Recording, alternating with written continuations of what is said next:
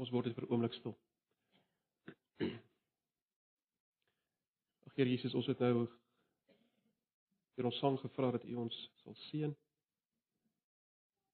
Nou wil ons dit met ons woorde vra, met ons gebed vra dat U ons sal seën. Deur die hoor van hierdie woord en deur die Gees wat dit vir ons moet lewend maak. Dit moet toepas op ons harte. Ons moet verander. Asseblief. Ons vra dit in Jesus se naam. Amen. Nou ja, broers en susters, julle sal weet ons het 'n uh, eh, verlede Sondag begin met ons uh, reeks in Markus. Vertrou van die selgroepe dalk al weggespring. Almal nog nie. Ons kyk na die eerste 15 verse. As jy nie hier was nie en jy wil uh, net bykom dan is maar miskien goed om om die CD te kry op stadium. Ons kan nie alles herhaal nie, maar ek dink daar's tog 'n hele paar belangrike dinge wat weggesteek is daar in die eerste 15 verse vir die verstaan ook van die res van van Markus. Kom ons lees uh, vanoggend Ons fokus is meer op vers 16 tot 45, maar ek gaan lees uh, vanaf vers 14 vir volledigheidshalwe. Ek gaan weer die die 83 vertaling, ag die die 53 vertaling het ek vir julle daar opgesit wat ek gaan lees. Uh maar daar's nie groot verskille met die 83 nie, maar net dat julle weet, ek lees die 53 en uh julle sal nie verlore raak as julle daar kyk nie want dis hy wat daar op is so as julle wil bybly. Markus 1 vanaf vers 14. En nadat Johannes oorgelewer was, het Jesus in Galilea gekom en die evangelie van die koninkryk van God verkondig en gesê: "Die tyd is vervul en die koninkryk van God het naby gekom. Bekeer julle en glo die evangelie." En terwyl hy langs die see van Galilea loop, sien hy Simon en Andreas, sy broer, besig om net uh om 'n net in die see uit te gooi, want hulle was vissers. En Jesus sê vir hulle: "Kom agter my aan en ek sal maak dat julle vissers van mense word." En dadelik het hulle net te laat staan en hom gevolg. En toe hy daarvandaan 'n bietjie verder gaan, sien hy Jakobus, die seun van Zebedeus, en Johannes, sy broer, wat besig was om die nette in die skei heel te maak. En dadelik het hy hulle geroep en hulle het hulle vader Zebedeus met die gehuurde mense in die skei laat staan en hom gevolg. En hulle het in Kapernaum gekom en dadelik op die Sabbat het hy in die sinagoge ingegaan en begin leer. En hulle was verslae oor sy leer want hy het hulle geleer soos een wat gesag het en nie soos die skrifgeleerdes nie. En daar was in hulle sinagoge 'n man met 'n onreine gees en hy het uitgeskreeu en gesê: "Hou op! Wat het ons met u te doen, Jesus Nasareëner? Het u gekom om ons te verdelg? Ek ken u, wie u is, die heilige van God." En Jesus het hom bestraf en gesê: "Bly stil en gaan uit hom uit." En 'n onreine gees het hom styptrekkings laat kry en met 'n groot stem geskreeu en uit hom uitgegaan. En almal was verbaas sodat hulle onder mekaar vra en sê: "Wat is dit? Watter nuwe leer is dit?" Dat hy met gesag ook aan die onreine geeste bevel gee en hulle hom gehoorsaam is. En die gerug aangaan hom is dadelik versprei in die hele omtrek van Galilea. Vers 29 en dadelik toe hulle uit die sinagoge uitgegaan het, kom hulle saam met Jakobus en Johannes in die huis van Andreas. En die skoonmoeder van Simon het siek gelê aan die koors en dadelik het hulle hom van haar gesê.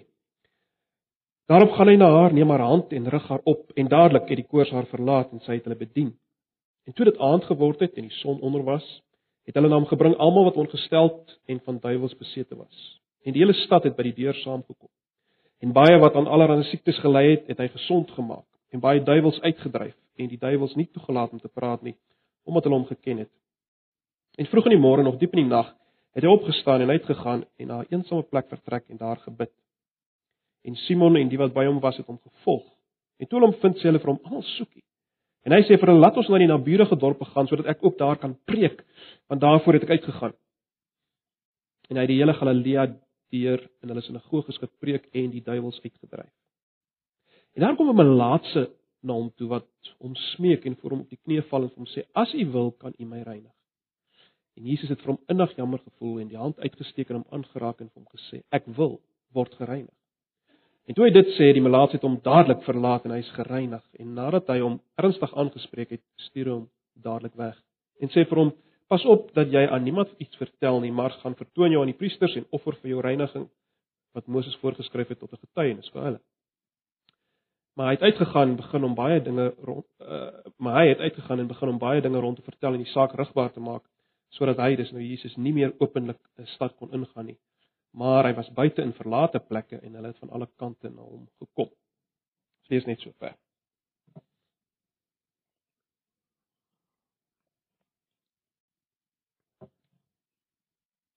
Ek weet nie wie van julle het ooit uh, Daleen Matteus se boek Kring in 'n bos gelees nie. Ek op skool was as 'n voorgeskrewe boek en baie jare daarna het ek gehoor dit is nog steeds 'n voorgeskrewe boek. Maar in die boek uh Kring in 'n bos vra die hoofkarakter Saul op 'n stadium vir sy pa, hy vra 'n bietjie uit oor hierdie waarheid wat hy gehoor het dat 'n blou bokkie se gal in sy kop sit. Dis die, dis die storie wat rondgegaan het. 'n Blou bokkie se gal sit in sy kop. En toe vra hy vir sy pa hier oor en hy vra vir sy pa, het sy pa ooit 'n blou bokkie se kop opgekap om te kyk of die gal daar sit. Sê sy pa vir hom nee. Hy nog nooit nie. En toe kom Saul tot sy skok agter. Niemand van die vriende van sy pa het dit ook nog gedoen. Maar almal hou vas aan hierdie waarheid dat 'n blou bokkie se gal in sy kop sit, maar niemand het dit ooit gedoen nie. Almal het dit bloot aanvaar as waarheid. Nou, broers en susters, natuurlik het daardie waarheid verkeerde waarheid wat hulle geglo het natuurlik nie noodlottige gevolge vir hulle gehad nie. Ek is nog onder die indruk dat uh daar baie sulke onbevraagde waarhede in die Christelike lewe bestaan vandag. Sekere idees, sekere gedagtes rondom sekere sake wat bloot nie in die Bybel gevind word. Dis blou bokkie waarhede. Nou as die Bybel die geopenbaarde woord van God is, die waarheid is, dan is dit natuurlik gevaarlik om vas te hou aan dinge wat bloot nie so is nie, wat nie daar staan nie. Dit hou nooit lottige gevolge in. Nou ons het verlede week begin kyk na die evangelie van Markus. En en ons doen dit juis sodat ons as te ware die blou bokkie se kop kan oopkap en en en regtig kan kyk na 'n paar vrae, die antwoorde op 'n paar vrae kan kry. En die drie groot vrae waarop ons antwoorde wil kry is dit: Wie is Jesus? Wie is hy werklik? Wat het hy kom doen en wat beteken dit om hom te volg? Dis die drie vrae wat Markus in sy evangelie behandel. Dit loop eintlik soos soos goue drade deur sy hele evangelie. En dit is belangrik dat ons die antwoorde hierop sal kry en duidelikheid hieroor sal hê. Uh ek het julle genoem Markus skryf ook vir mense uh, vir die ouens in Rome wat in 'n tyd geleef het van, van waar daar verskillende godsdienstige idees was. Uh uh daar was baie ander godsdienste gewees, filosofieë gewees en en hulle moes die nuwe Christene moes hulle self weer afvra, wat glo ons werklik? Waaroor gaan hierdie koninkryk van God? Wie is hierdie Jesus wat ons volg? En wat beteken dit om hom te volg? en daarom kom Markus En aan die hand van die aardse lewe van Jesus kom skryf hy vir die mense en hy wil graag hê hulle moet as te ware hulle self sien in die lewe van die disippels. Dis wat hy wil hê. Hy skryf vir hulle 'n evangelie en ek het uh, verlede keer vir julle genoem dis 'n baie unieke literatuursoort met baie spesifieke karakter uh, trekke wat jy nêrens anders kry nie. Dis wat hy vir hulle skryf. Ek gaan nie weer uitbrei oor oor alles wat ek verlede keer gesê het nie, maar baie belangrik Eh, sekerlik die belangrikste ding wat ons gesien het verlede Sondag is dat dit wat behalwe dat hy nou 'n evangelie skryf as literatuursoort, die belangrikste ding is dat Markus maak dit baie duidelik dat wat hy skryf is evangelie. En evangelie beteken bloot goeie nuus, evangelium. Dis goeie nuus. Dis die begin van iets groots waaroor hy skryf. En en hierdie goeie nuus is wat? Ten diepste is hierdie goeie nuus dit: die koninkryk van God het naby gekom. Ek het julle gesê beter vertaling vir koninkryk van God is miskien die heerskappy van God het naby gekom. En hierdie heerskappy van God het naby gekom toe Jesus van Nasaret verskyn. En daarom kan Markus in vers 1 begin praat van die evangelie van Jesus Christus. Die goeie nuus van Jesus Christus. Dis die goeie nuus van die koninkryk. Wat is die koninkryk? As ons bietjie daaroor wil dink, uh, of dan die heerskappy van God, wat is dit? Wel, ons moet teruggaan na Genesis 1 en 2 om iets daarvan te sien, né? Dis waar God in beheer is. Waar God se mense op die plek is waar God hulle wil hê onder sy woord in 'n verhouding met hom, in 'n verhouding met mekaar. As jy dit anders wil stel, die heerskappy van God, die koninkryk van God, is waar God se wil geskied, waar hy die inisiatief neem. Wat dinge is soos hy dit wil hê. Wat God se wil geskied. Jy sal weet, uh, Jesus leer ons om te bid in die Onse Vader Laat u koninkryk kom. Laat u wil geskied. Jy sien is twee is eintlik sinoniem. Koninkryk van God, heerskappy van God is waar God se wil geskied. En nou het dit naby gekom. Dat Jesus se doop sien ons amper iets van hierdie herstelde verhoudinge as as daar 'n stem uit die hemel is wat sê dis my geliefde seun en as Jesus omring word deur die diere en die engele dien hom en so mee. Maar die koninkryk van God het nou naby gekom en die enigste reaksie eintlik hierop is om is om jou denke te vernuwe, te bekeer en en en en dit te glo. Dis al wat jy kan doen. Met hierdie ongelooflike nuus dat die heerskappy van God gekom. Dis nou moontlik in Jesus om weer God se wil te doen, op sy plek te wees, in 'n verhouding te wees met hom en so mee. Nou Ek het nou gesê hierdie koninkryk, hierdie heerskappy breek as te ware in as Jesus verskyn. As Jesus kom kom stel dit so, as Jesus in beweging kom, dan kom hierdie heerskappy van God in beweging. Want hierdie heerskappy van God is onlosmaaklik verbind aan Jesus en sy optrede. Ons weet Jesus is God. Uh, ons het gekyk na die sinspelings in in die eerste 15 verse ook op die feit dat hy God is. So kom ons kyk bietjie daarna. Kom ons kyk na hierdie koninkryk van God in beweging. Kom ons kyk wat gebeur in elke dag se praktyk van die werklikheid as hierdie koninkryk van God, hierdie heerskappy van God met mense in aanraking kom. Anders gestel as Jesus met mense in aanraking kom. Wat gebeur? Hoe lyk dit? Wat leer ons van hierdie heerskappy van God, die koninkryk van God? Nou, net 'n interessante opmerking net so terloops, is is interessant as as mens na die Ou Testament kyk, nadat Dawid en Salomo as konings gesalf het, gesalf is, het hulle onmiddellik so groepie ouens rondom hulle bymekaar gebring. Uh want daar was onmiddellik bedreiging geweest en gevaar geweest. Hierdie ouens moes hulle uh moes as te ware rondom die konings wees en saam stry en veg teen hierdie gevaar. En, en nou is dit interessant in vers 14 van Markus 1 sien ons uh dat Johannes is in die tronk gegooi. Daar's al klaar teenkante en onmiddellik roep die koning 'n groep mense saam rondom hom. Jesus roep 'n groep mense saam met hom uh, om saam met hom te kom. En dit bring ons by by vers 16 tot 19. Hier gebeur iets interessant. Kom ons kyk vir 'n oomblik daarna. Wat kry ons hier? Ons kry ouens wat besig is uh met hulle alledaagse lewensbestaan. Vissers. Hulle is besig om om nette uit te gooi. Hulle doen maar net wat vissers doen, né? Nee, hulle gooi nette uit. En dan kom Jesus op die uh, dan verskyn Jesus op die toneel. En en sonder om vir hulle te vra, ag ekskuus julle, kan ek net 'n oomblik van julle tyd kry? Bars as te ware in en hy sê vir hulle, kom agter my aan. Net so. Kom agter my aan. En ek sal julle vissers van mense maak. Dis totaal vreemd, hoor, uh, dit wat hier gebeur. Kyk, die ander groot leraars in Jesus se tyd, die rabbies, het ook volgelinge gehad. Maar uh dit was 'n kwessie van vrye keuse by watter rabbi jy jou sou skar. Aan die ander wyse jy het besluit ek hou nie van daai een nie. Daai is beter. Ek okay, kom ons gaan agter hom aan. Hy het 'n beter, hy het beter leer en dan volg jy hom. Hier gebeur iets anders. Jesus kom met gesag en hy sê: "Volg my." Kom agter my aan. Dink net vir 'n oomblik bietjie aan hierdie ruwe vissermanne. Hulle is daar besig om hulle brood en botter te verdien. Eindelik doen hulle wat hulle families waarskynlik deur generasies heen gedoen het. Kyk hierdie ouens eh, dit is nie soos vandag nie. Jy het maar gedoen wat jou ouers gedoen het. En deur as jy visserman was, is baie waarskynlik dat die generasie voor jou en die generasie voor hulle was ook vissers geweest. Hulle doen wat wat hulle maar nie groot geword. Ek weet Wat sou hulle reaksie wees op sulke voorbarigheid van 'n ou wat hier uit die bloute uitstap en hy sê: "Volg my." Wel.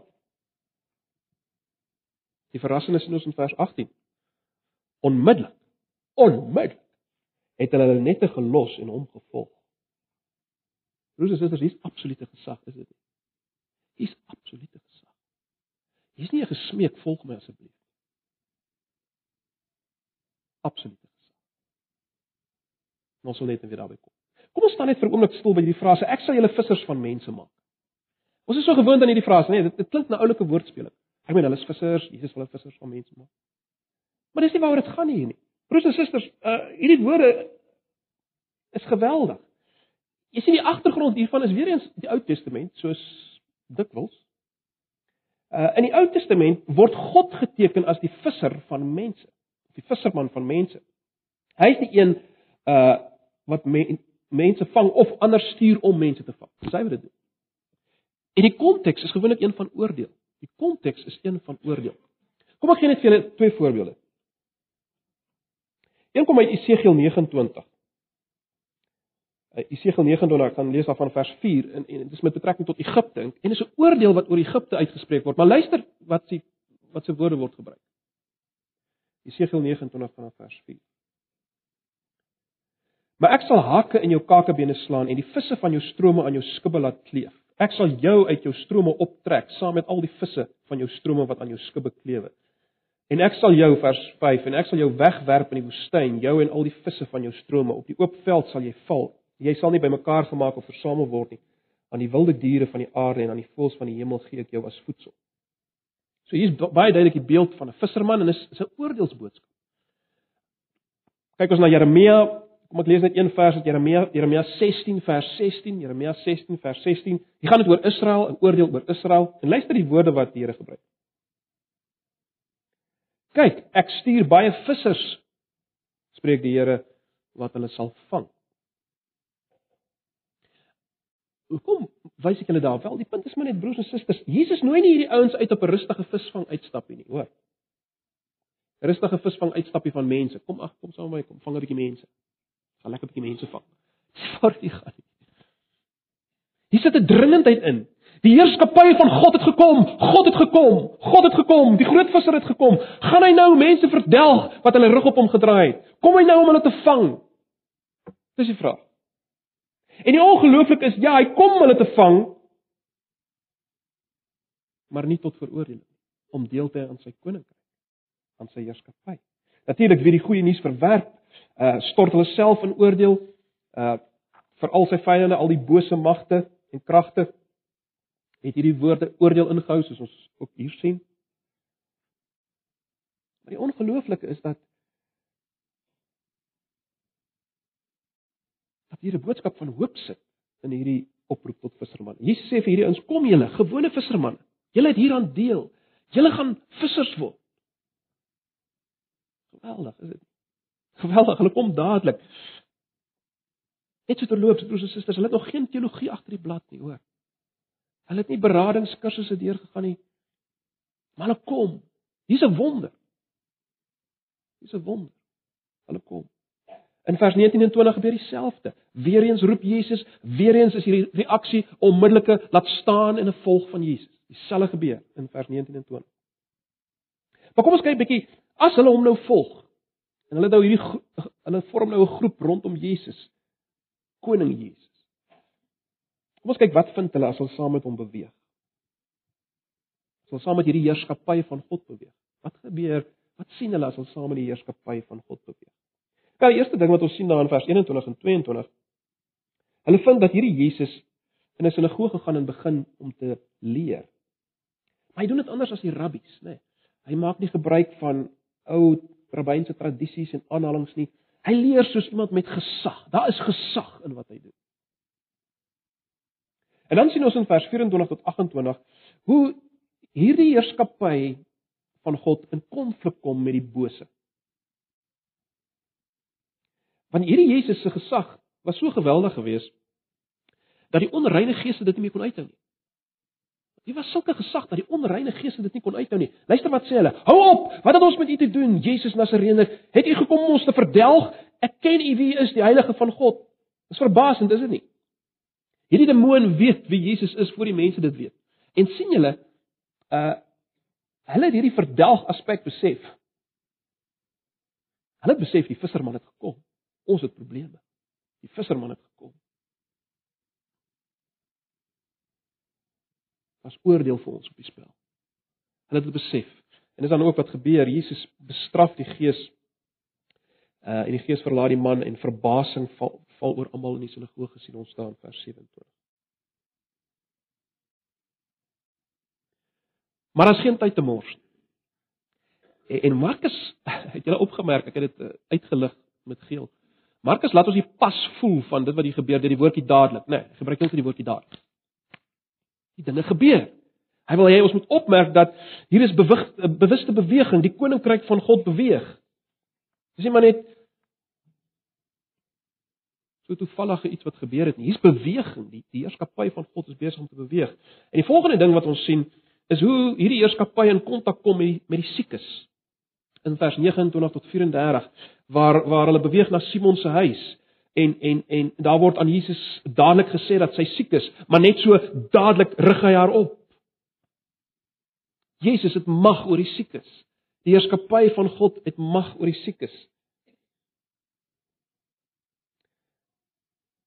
En dan gaan die son onder en die hele stad kom as te ware voor die deur van hierdie huis en hulle bring siekes en mense wat uh, demoon verslaaf is na hom toe.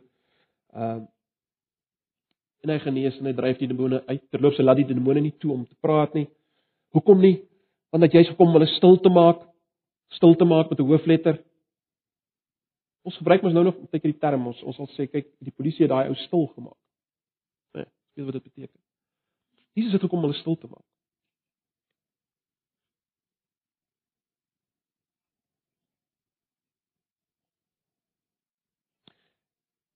Nadat ons dit sien, Jesus wat genesings bring en natuurlik die duiwel uitdrywings was was deel van genesing in 'n sin. Nadat dit nadat ons dit sien, kry ons 'n interessante opmerking in vers 35 tot 39 dat Jesus na weer na 'n eensame plek gegaan het om te gaan bid. Het jy dit gesien? Nou die die die frase eensame plek kan ook vertaal word met wildernisplek of woestynplek en dis nogal insiggewend. Dit suggereer dink ek dat dat Jesus hom doelbewus terugtrek na die plek waar die karakter het van die plek waar hy deur Satan versoek is en oorwin het. Waarskynlik, waarskynlik. Wil Markus ons iets daarvan laat sien dat dat daar was 'n versoeking vir Jesus om as te ware hierdie gewildheid aan te gryp. Want kyk, hy was gewild nou, né? Dinge het gebeur. En dan was die gevaar waarskynlik vir Jesus om om om en ons weet dit was die groot versoeking. Uh die gevaar, die versoeking om af te wyk van die pad wat God vir hom gekies het, die pad wat eintlik die pad van lyding is en uiteindelik die pad van die kruis. En en wat waarskynlik hier gebeur is dat Jesus gaan plaas homself weer onder God se wil opnuut. Uh hy gaan bid maak seker dat hy dat hy steeds weet kyk dit wat by my doop gebeur het. Toe toe die Gees oor my gekom het, Ek is gesalf as die as die leidende diensknegt wat die pad van leiding moet loop. Dis waarvoor ek hier is. En hy het homself weer in gebed aan God gewy. Dis wat ons kry in vers 35 tot 39. Die die, die disippels sal julle gesien het soek hom as hy as hy hom so onttrek het en hy uh, hulle sê van kyk almal soek u en dan sê Jesus kom ons gaan dan na die uh, na die dorpe toe dat ek daar ook kan gaan preek want dis waarvoor ek gekom het om te preek. So dis wat ons kry in vers 35 tot 39. En dan in vers 40 tot 45 Nadat hy nou gepreek het, duiwels uitgedryf het, vind ons hom skielik van aangesig tot aangesig met 'n melaatse. 'n Melaatse man wat hom pleit. Dan sien ons iets geweldig. Ons sien Jesus kry hom innig jammer en hy raak hom aan. Dit is iets geweldigs wat hier gebeur, broers en susters. Vir ons natuurlik nie ons begryp dit nie altyd so lekker nie. Onthou net die agtergrond Malaatses is as onrein gesien. Jy het veral as Ou Testamentiese gelowige, jy's nie 'n Malaatse aangeraak nie want dan word jy onrein. Jy raak hulle nie aan. En hier kom Jesus. En hy praat nie net met hom nie. Hy sê nie net vir hom word gereinig nie. Hy vat aan hom. Die laaste ding wat die malaatse verwag, hy vat aan hom en as hy hom vat dan word hy rein en Jesus word nie onrein. Hierdie man word rein. Hierdie man wat deur niemand anders aangeraak is nie. Ek meen hulle het in julle sal weet, hulle het in grotte weggekruip en gate. Jesus vat aan hierdie man.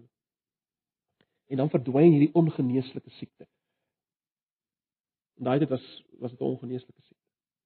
Aansteeklike siekte. Verdwyn. En dan voer Jesus 'n baie ernstige gesprek waarin hy hierdie man beveel om nie nie vir iemand te vertel wat gebeur het nie en uh, dan hy sê Jesus sê ook vir hom hy moet hom aan die priesters gaan toon. Hy doen dit nie. Hy gaan vertel wat gebeur het en dan stroom die mense van al die kante af na Jesus toe, nee, dis wat ons hier sien.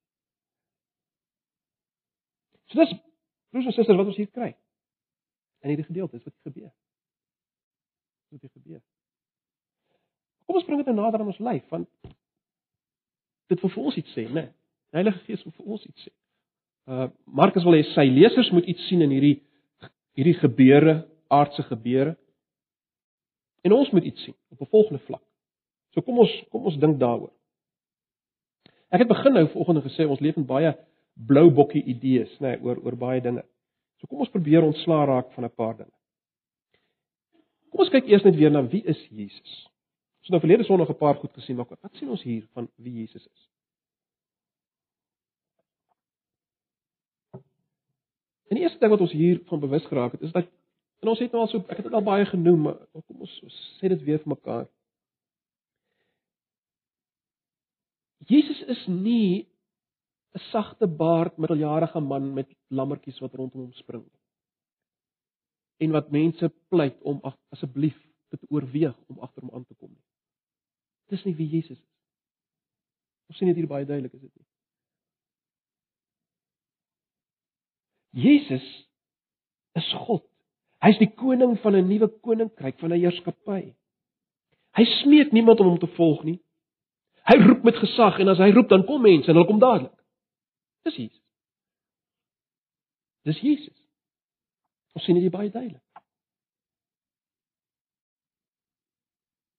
Verder meer en ons ons het al hieroor ook gepraat. Jesus is nie in 'n gelyke stryd met Satan gewikkeld gewikkeld. Wonder wie gaan wen?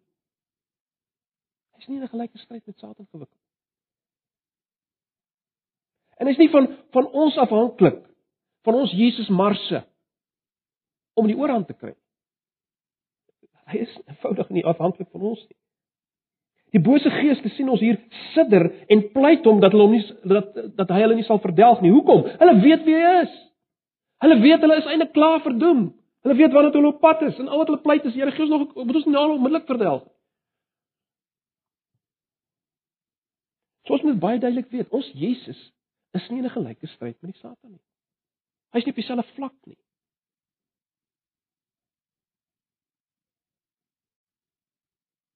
As daar sommige soms by Christene die gevoel kyk as die Satan aan die bidders meer meer bid dan wen die Satan. As ons meer bid dan wen nee. Dis nie ons Jesus. Dis nie die Jesus wat hier geteken maar as ons nog meer ons sien Jesus is die is die een wat mag het oor die onmoontlike. Soos gesien in die malaatsheid. Ongeneeslike siekte. Want hy's God. Jesus is God Verder sien ons in hierdie gedeelte dat Jesus nie gemanipuleer kan word om die massas te bevredig met wonders nie. Ons sien veral in vers 37 en 38 hier teen die einde. Jesus kan nie gemanipuleer word om wonders te doen nie. Uh jy is so opgeleer dat hy wil nie eers hê hulle moet uh, hulle moet sy wonders bekend maak nie. Hoekom nie? Hoekom wil hy nie hulle moet vertel oor sy wonders? Bloot eenvoudig broers en susters, is baie interessant. In die tyd waarin Jesus geleef het, was daar baie wonderwerkers, sogenaamde uh theoraners, soos hulle genoem is. Daar's daar's daar's ouens in Jesus se tyd wat ook genesings gedoen het. Redelik baie van hulle blykbaar. So dit was nie die besondere van Jesus nie. En daar's baie kringe vandag wat dink dis die groot ding van Jesus dat hy kan genees. Dit was nie die besondere van Jesus. So dis kom hy nie wou gehad hulle met 'n verkeerde idee van hom kry dat hy maar net een van hulle is nie. Hy's heeltemal iets anders. Hy kom heeltemal iets anders. Ja, hy genees ook. Maar baie meer. Baie meer en ons soos deur Markus gaan ons sien wat is die baie meer. Maar dit is baie belangrik. Hy kan nie gemanipuleer word verwonder. So dis die een kant wat ons sien van Jesus. As jy wil sien sy sy godheid. En ons moet daaraan vashou. Maar daar is iets anders wat ons hier moet sien. Ons moet ook sien dat Jesus was 'n doodgewone mens. En dis nie geweldig is dit? Hier hier hierdie balans is iets geweldig. Hy het nie 'n stralekrans op sy kop gehad nie. Kyk, die Jode het altyd verwag as die Messias gaan kom, dan gaan gaan daar strydwaans in die hemel wees en kragtige goeders gaan gebeur, lig gaan skyn en so voort. Maar wat ons hier kry is is sandale en preke en 'n Galileese aksent, 'n mens met oë en hande en voete. Dis Jesus. God het waarlik mens geword. Hy het werklik mens geword. 'n Mens, 'n mens, 'n mens.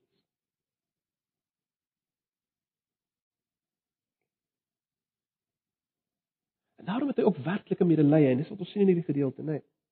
Ons sien dat dat God vol medelee is. Hy roep eenvoudiges tot sy diens. Hy genees die die gebrokenes. Die melaatses raak hy aan met liefde en empatie. Jy sien ons sien hier dat dat dat hy mense kom vrymaak van die smart en die pyn van die bose. Hy gebruik wel sy mag om die bose te verdelg, maar maar nie om mense te verdelg. Teenoor die mense gebruik hy ander mag, die mag van van roeping en liefde en aanraking. So dis wat ons sien van Jesus hier. En en die vraag broers en susters wat ons osself moet aanvra, of moet afvra vanoggend is, is dit die Jesus wat ek aanbid? Dis die Jesus wat ek aanbid. Is dit is dit hierdie Jesus? Het jy net twee kante? Of of sit ek met allerlei skewe idees oor Jesus. Kom ons laat toe dat die Here ons denke verander oor Jesus uit hierdie gedeelte. Maar goed. Wat beteken dit vir ons as individue en as gemeente dan om hierdie Jesus te volg? Wat beteken dit om hierdie Jesus te volg? Wat is wat Markus ook wil hê ons moet raak onder leiding van die Gees. Wat beteken dit om hierdie Jesus te volg? Onthou, ek het vir julle gesê Markus wil hê sy mense moet dit sien deur te kyk na die lewe van die eerste disippels. Wat sien ons? Wat beteken dit om Jesus te volg? Wel in die eerste plek sou julle opgemerk het dat daar 'n laat staan moet plaasvind. Hierdie ouens, hierdie vissers het het laat staan dit waarmee hulle besig was. Wat beteken dit vir ons? Wel, Miskien wonder jy maar beteken dit nou dat ek alles moet laat staan en moet gaan sendingwerk doen in Sirië? Dit mag dalk vir jou dit beteken, maar ek dink nie dis heeltemal die punt hier nie. Die punt hier is is baie duidelik dat en en dis Markus wil hy sê lesers moet verstaan.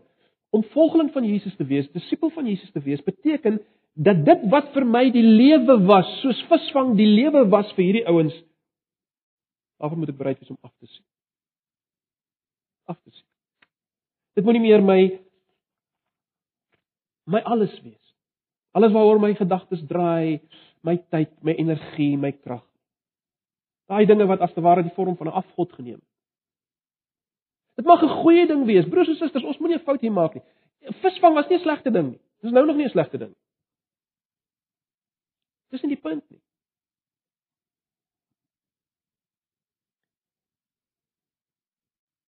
Punt is dan moet 'n afstand daar moet afstand gedoen word. In die volgelingskap van Jesus is daar 'n mate van afstand doen wat moet gebeur. Dit mag baie dinge wees. My ideaal om die beste te wees in my werk, om die rykste te wees. My my ideaal om uh altyd 'n perfekte huis te hê. Uh wat dit ook al mag wees. Hierdie dinge wat wat wat wat ons as te ware opvreet. Die geweldige prioriteite wat ons najag. 'n disipel van Jesus te wees.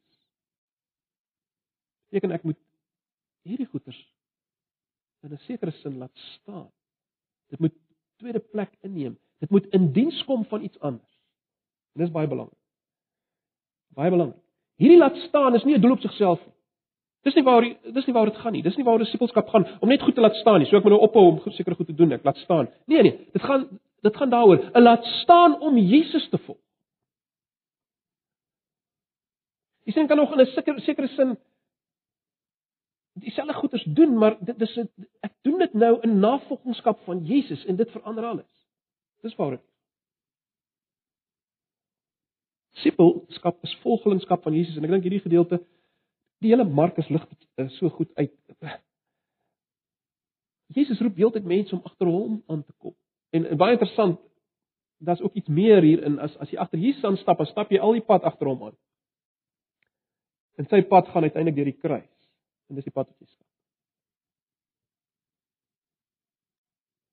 So dis nie 'n doel op sigself die los laat staan nie, maar dis dis dit in plaas vir iets daarvan. Wat beteken dit om Jesus te volg? Wel, dit beteken om saam met hom te stap terwyl hy die heerskappy van God laat inbreek. Dit beteken dat ons hom sal volg. En ons het al in ons visie en missie daaroor gepraat. Dat ons hom sal volg in sy in sy lering en sy prediking en in sy genesing. Ons moet hom daarin navolg. Dis waar my hier besig was. Dit is opgeleer dat Jesus se se prioriteit is prediking. Hy maak dit baie duidelik. Die publieke aankondiging dat sy heerskappy gekom het. Dit was vir hom prioriteit. En ons is geroep om hom daarin te volg. Met ander woorde, die vraag is: weet die mense by jou werk dat die koninkryk van God gekom het? Weet hulle dit? Is daar iets van 'n bekendmaking van jou kant af? Volg jy Jesus hierin? Nie oor moet ons almal self gaan dink. Maar op 'n tweede vlak is is ons agente van heling en genesing. Is ons as gemeente 'n agent van genesing en heling? Dis waaroor Jesus se se genesings en die duiwel uitdrywings terloops gegaan het. Dit gegaan oor hierdie heling, hierdie genesing wat hy gebring het. Uh hy hy die smart en die pyn aangespreek wat rondom hom was. Hy het 'n verandering daarin gebring. Natuurlik broers en susters, ons praat nie ek praat nie vanoggend hier van uh geloofsgenesingsdienste, plakate wat opgesit word. Uh ek praat ook nie daarvan dat uh, almal genees word nie aan hierdie kant van die graf nie geheel en al nie. Ek weet Jesus se genesings was in sekere sin voorprente van dit wat gaan gebeur.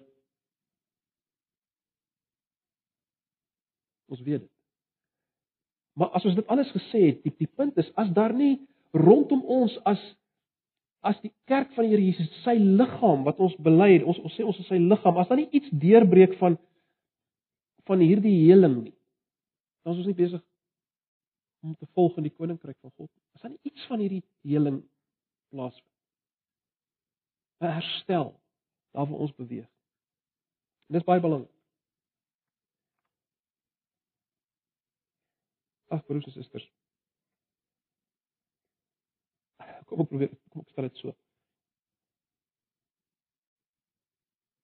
Ons is die kerk van van die Here Jesus as sy liggaam Ons moet 'n vissersboot wees, nie 'n restaurant nie. Baie baie belangrik. Ons moet 'n vissersboot wees en nie 'n restaurant nie. Uh Met ander woorde, nie 'n plek waar dit waar dit mense gaan vir 'n goeie diens nie. Onbewuslik klink ons baie keer so, is dit nie? Uh uh uh soos 'n ou wat in 'n restaurant sit. 'n Goeie gereformeerde preek asseblief. Dit nie te veel emosie nie. 'n Lekker tee en koekies na die tyd. Gereelde huisbesoek asseblief. 'n Mooi doopdiens nou en dan met trane en drukkies asseblief. Broers en susters, ons is nie ons is nie 'n restaurant nie. Ek dis nie 'n restaurant wees nie. Ons is 'n vissersboot. Dit is hele punt hier, vissers van mense. Maar natuurlik kan kan mense dit nie doen as jy nog vashou aan aan jou eie koninkryk nie, dan kan jy nog nie 'n uh, agent wees vir hierdie heerskappy van Jesus nie.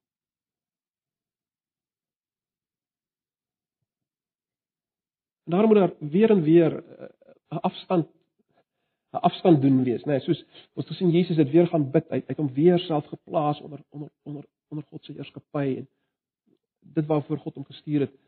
Dis is nodig dat ons dit weer en weer sal doen deur gebed, né? Nee, ons self weer sal plaas onder hom en sal afstand doen van ons eie ideale, ons eie heerskappye, ons eie koninkryke, want dit staan in die pad. Dit geld vir individue, dit geld vir ons as gemeente.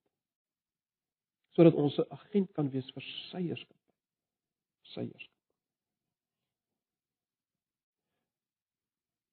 Waar kom die heerskappy van God? Wanneer kom dit? Onder wie kom dit? Wat sien ons in hierdie gedeelte? Wel, ons sien ons sien in hierdie gedeelte dat die heerskappy van God word sigbaar in die sinagoges. Ons sien dat die heerskappy van God word sigbaar in huise. Ons sien dat die die die, die heerskappy van God word sigbaar in verlate plekke, né? Nee. Wat sê dit vir ons? Broers en susters, dit sê vir ons dat ja, ons ons be, gemeente byeenkomste moet plekke wees waar die heerskappy van God sigbaar word. Waar daar waar daar heling is, genesing is, prediking is.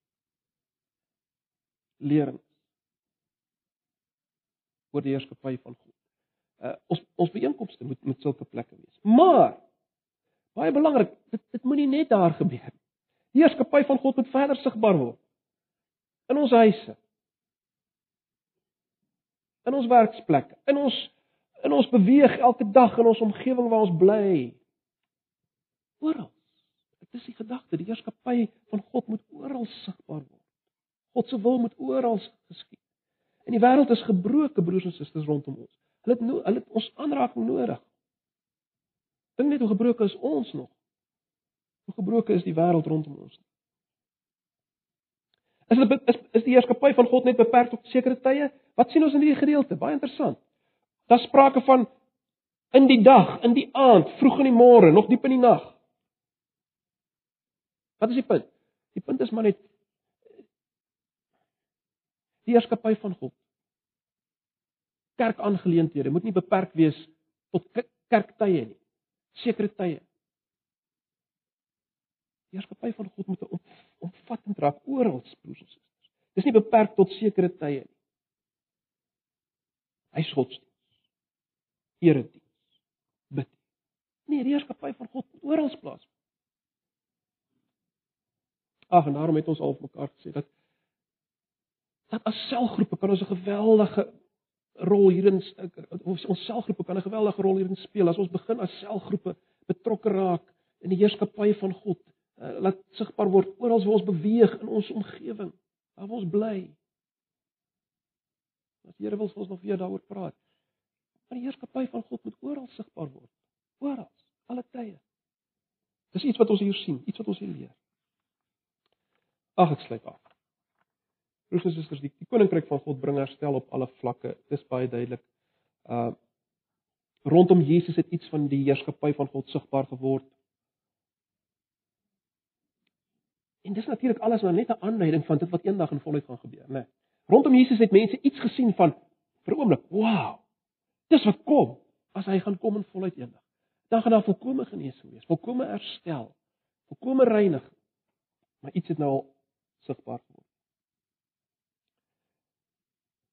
En ons is geroep om hom hierin te volg. Ons ons is geroep om om iets van die herstel wat gaan kom nou al te laat sigbaar word. Dis waar ons opgeroep word. Wag ek weet as jy enigstens voel soos ek vanoggend voel mens totaal mislukking wat dit betref. Ek dink hoe op aarde kan die Here my gebruik uh om iets van sy koninkryk laat sigbaar word. Kyk hoe lyk ek. Kyk hoe kragteloos is ek. Kan hy my gebruik? Kan hy my aanvaar? Wel, dis hoekom ons vanoggend die nag nog gebruik. Dis hoekom ons vanoggend die nag nog gebruik. Ag, broers en susters, kom ons kom ons herinner ons aan die feit dat ons as, ons kan alleenlik agter Jesus aanstap, iets van die koninkryk laat sigbaar word as gevolg van die pad wat hy gestap het vir ons in ons plek. Petrus stel dit so mooi, hy sê deur sy wonde het daar vir ons genesing gekom, sodat ons nou genesing vir ander kan gee.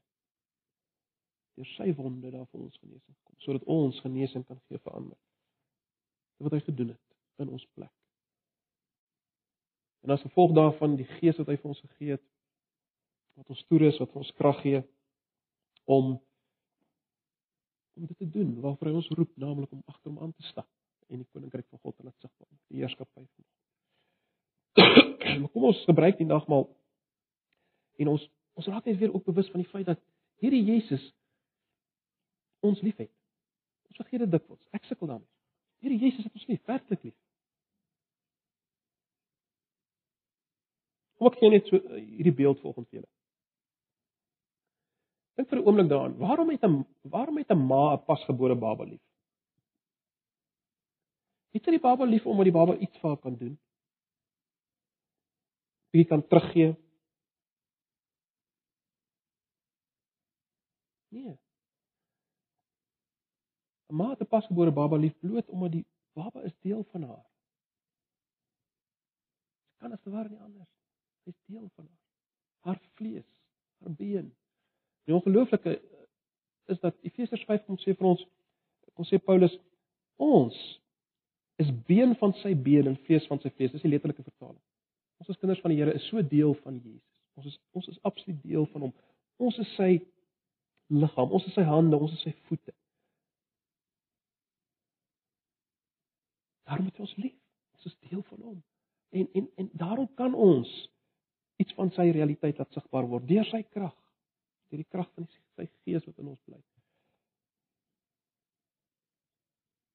En die nagmaal vanoggend wil ons help om dit 'n realiteit te maak.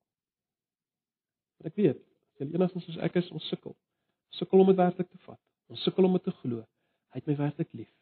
Hy wil my gebruik as as instrument in sy heerskappy. Hy wil ons as gemeente gebruik. Maar kom ons kom ons gebruik die tekens. Ons laat toe dat die Here ons versterk daar. Kom ons dink aan dit wat die tekens verstaan, dit wat hy gedoen het vir my in my plek. As deel van sy liggaam. Ons is deel van sy liggaam. Sy liggaam is gebreek vir ons sodat ons kan deel word van hom. Sy bloed het gevloei vir ons sodat ons volkome vergewe kan wees, aanvaarbaar is vir hom. Ag, ons weet dit. Ons weet dit, maar kom ons laat toe dat die Here self ons kom uh bemoedig en versterk daardeur deur die tekens volg. Kom ons bid saam en dan gaan ek net vra dat die van die diakens uit die tafel vir ons opmaak. Ag Here, ons wil nou vra dat U nou verder vir ons sal versterk deur hierdie tekens. Dankie vir U woord. Dankie vir die bemoediging, dankie vir die uitdaging. Ag Here Jesus, ons wil vra dat U ons ons denke sal vernuwe oor wie U is, maar ook ons denke sal vernuwe oor dit wat U wil hê ons moet doen. Dit waaroor ons lewe moet gaan as individue, maar ook as gemeente. Asseblief. Ons wil nou vra kom Here en kom gebruik hierdie tekens ook in ons lewens in Jesus se naam.